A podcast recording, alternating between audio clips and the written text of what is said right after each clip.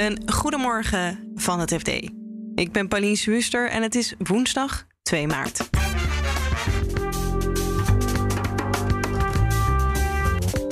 Advocaten moeten er waakzaam voor zijn dat Russen mogelijk de sancties proberen te omzeilen met hun hulp. Dus er wordt, er wordt behoorlijk uh, verdiend aan, uh, aan Russische klanten. En dan is het niet zo. Uh, dan, dan is het een, eigenlijk gewoon een dilemma. Wat doe je? En na BP wil ook Shell de Russische belangen gaan verkopen. Of dat ze gaat lukken en hoe dan, dat is nog de vraag. In een normale wereld uh, ga je op zoek naar kopers dan. En dan, die zijn er altijd wel. En dan kom je tot een prijs en dan verkoop je het. Maar dat is in dit geval toch wel echt een stuk gecompliceerder.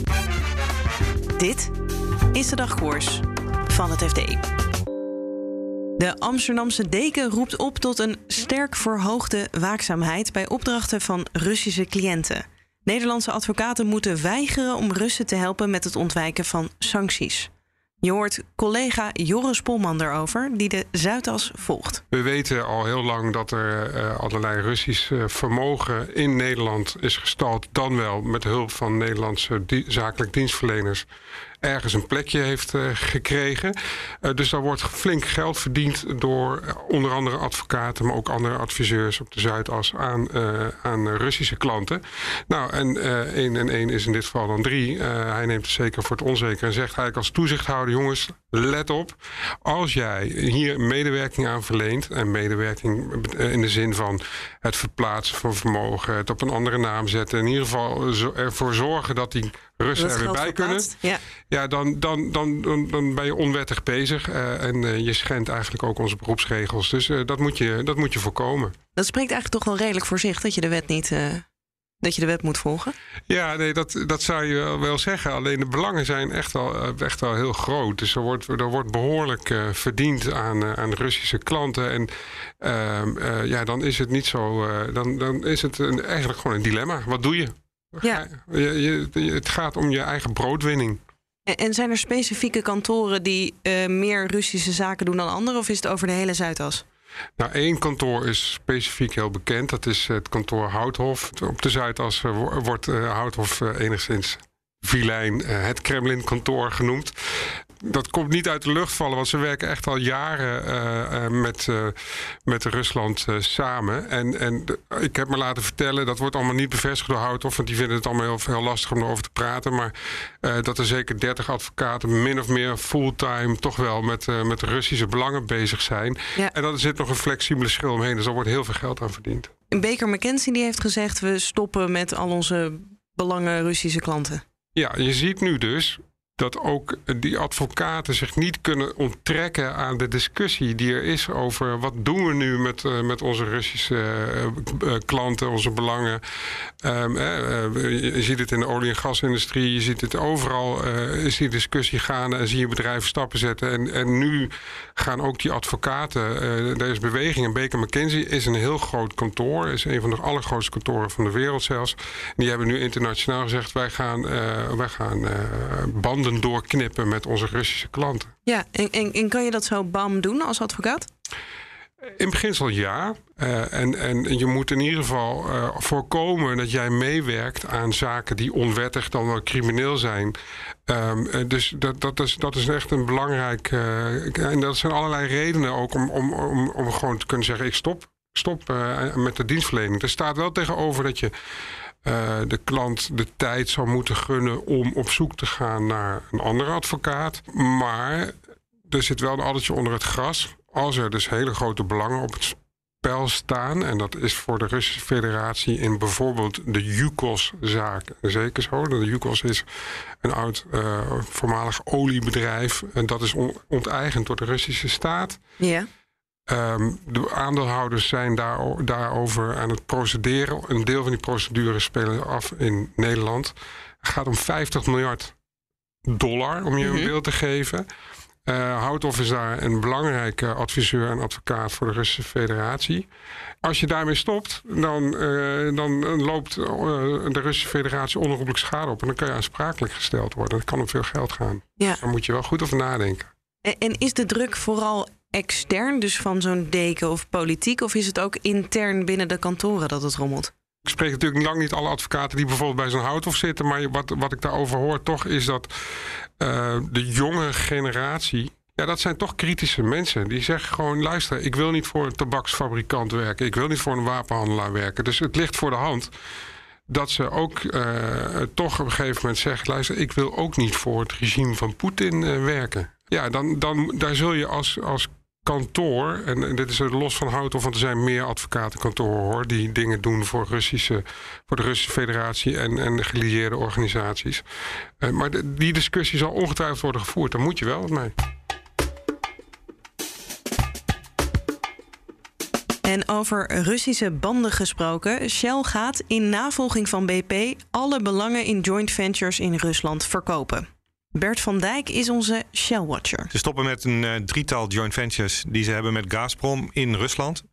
En dat gaat dan om een uh, hele grote joint venture voor een, ja, een groot olie- en gasproject in, uh, in het verre, verre oosten van, van Rusland. Ja. Um, waar Shell een belang van ongeveer 28% in heeft. En die andere twee zijn met Gazprom Neft. Dat is eigenlijk de olietak van Gazprom. Gazprom is een heel groot bedrijf en die hebben ook een olietak, dat is Gazprom Neft. En daar heeft Shell ook twee joint ventures mee. En dat gaat met name over olie- en gaswinning en ook exploratie. En ook die, uh, daar stoppen ze mee. En Nord Stream 2, dat is de nieuwe pijpleiding die um, voor gas die uit Rusland naar Duitsland um, is aangelegd. En die ook waar heel veel om te doen is geweest, die heel erg ja. omstreden is. En daar had uh, Shell ooit een belang in, maar daar van onder invloed van sancties zijn ze daar, is dat, mochten ze dat niet. Ook samen met een ander, aantal andere energiebedrijven. En dat is toen omgezet in een, ja, een soort financieringsconstructie waarbij ze een garantie hebben gegeven voor dat project. Ja. Beetje ingewikkeld verhaal, maar uiteindelijk die hebben ze. Die garantie daar... trekken ze dan nu in? Ja, ze, ze, gaan gewoon weg uit dat project. Dus uh, de, inderdaad, die garantie trekken ze in. En, dat, uh, nou ja, en ze hebben daar een soort, nou ja, zoals dat heet, een blootstelling van, ik geloof, 900 miljoen euro. Die zijn ze denk ik kwijt. Maar goed, er zijn ook berichten dat een aantal andere van die partners van Shell in Nord Stream 2 dat geld ook weer terug willen gaan halen, juridisch uh, in Europa. Om te zeggen van ja, het is nooit. Uh, maar goed, dat, ik weet niet of Shell dat gaat doen. Ik heb er geen aanwijzingen voor. Maar nee. um, uh, vooralsnog lijkt het erop dat ze dat geld kwijt zijn. Ja, en um, is het nou zo dat ze het nu dan ook gelijk verkopen, kunnen verkopen? Of aankondigen dat ze eruit gaan? Hoe, hoe zit dat precies? Nou, dat is natuurlijk wel het interessante. Want ja, inderdaad, ze zeggen nu, ze hebben de intentie om ermee te stoppen. Hè? Ja. En dat doen ze omdat ze vinden, nou ja, wat die invasie in Oekraïne. In een normale wereld uh, ga je op zoek naar kopers dan. En dan, die zijn er altijd wel. En dan kom je tot een prijs en dan verkoop je het. Maar dat is in dit geval toch wel echt een stuk gecompliceerder. Want ja, wie gaat dit kopen? En het is ook uh, Shell heeft een belang van 27,5% bijvoorbeeld in die hele grote joint venture in, uh, in Rusland, in een van die drie. Ja, aan wie ja. ga je dat verkopen? Want alle westerse bedrijven, ja, ik kan me niet voorstellen dat, dat iemand dat überhaupt nu nog zou willen. Laat staan, uh, zou dat kunnen, want dat, nou ja, alles is gesanctioneerd. Een koper moet dat ook gaan betalen. Dat moet via banken gaan lopen. Ook die zijn in Rusland allemaal uh, vallen onder sancties. Dus ja, de vraag is hoe ga je dat doen? Kun je kunt denken, ze krijgen nu dividend uit die joint ventures, omdat ze daar een belang in hebben. Ja. Ze kunnen gewoon zeggen, nou, we stoppen, we willen dat niet meer, we ontvangen dat niet meer. Dus die, we stoppen die, die in kasso, zeg maar. Ja. Um, en dan laat je het achter en dan zie je het wel. En dan, uh, ja, of je gaat toch nog proberen het aan Russen te verkopen. Maar ja, die zullen ook uh, niet echt staan te happen om nu te gaan betalen aan Shell, denk ik. Dus um, nee, ze hebben zeggen, ze hebben 3 miljard um, in de boeken staan voor deze, al die projecten die nu worden, die ze willen verkopen. Ik denk dat je er wel vanuit kan gaan dat dat ook wel de last gaat worden uh, voor Shell. Dus dat ze daar niet veel meer van terug gaan zien. Is dat opmerkelijk voor Shell om te doen, om, om zoveel ja. geld op te offeren? Nou, het, voor Shell is 3 miljard niet zoveel. Want ze hebben een, nee, een ja, jaaromzet van 260 miljard. Dus ja. dat, het is, in, in, financiële termen is het eigenlijk helemaal niet zo, zoveel uh, pijn voor Shell. Maar het is wel echt een heel groot, uh, grote symbolische stap. Shell zit heel erg lang al in Rusland. Heeft een hele warme relatie ook gehad in het verleden met China. Of met uh, Rusland, sorry. En ja, na zo lang, uh, na 125 jaar geloof ik, in Rusland hebben gezeten te vertrekken. Ja, dat is echt wel een, een grote stap. En is dit nou heel impactvol voor uh, Rusland? Want je zegt 3 miljard voor Shell, is dat niet zoveel? Hoe zit dat bij Rusland, bij Gazprom? Nou, in termen, ik, ik denk dat, voor, dat Rusland hier echt heel, heel ongelukkig mee is. Um, olie en gas is nog steeds de belangrijkste sector voor de Russische economie. Um, ze hebben grote plannen om ook, nou ja, de, met name het gasgedeelte verder te gaan ontwikkelen de komende jaren, decennia, ook in met name in het Noordpoolgebied. Daar hebben ze heel veel uh, buitenlandse investeringen voor nodig en die hebben ze ook altijd gehad. Uh, ook vanwege de kennis. Bedoel, bedrijven als Shell en ExxonMobil die weten hoe je offshore moet werken, hoe je in moeilijke om, omgevingen installaties moet bouwen. Ja, en als je die niet meer tot je beschikking hebt, als die niet meer investeren en erbij zijn, dan zul je het of zelf moeten doen, of je moet andere partners vinden. Maar dat is, uh, dat is, dat is ingewikkeld. Dus dat zal zeker vertraging opleveren. Dat zal duurder worden voor ze. Dus dit, zal, dit doet echt pijn. Echt heel veel pijn.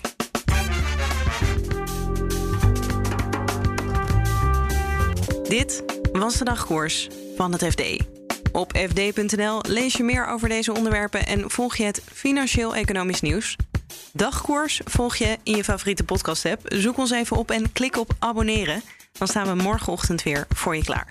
Een hele fijne dag en tot morgen.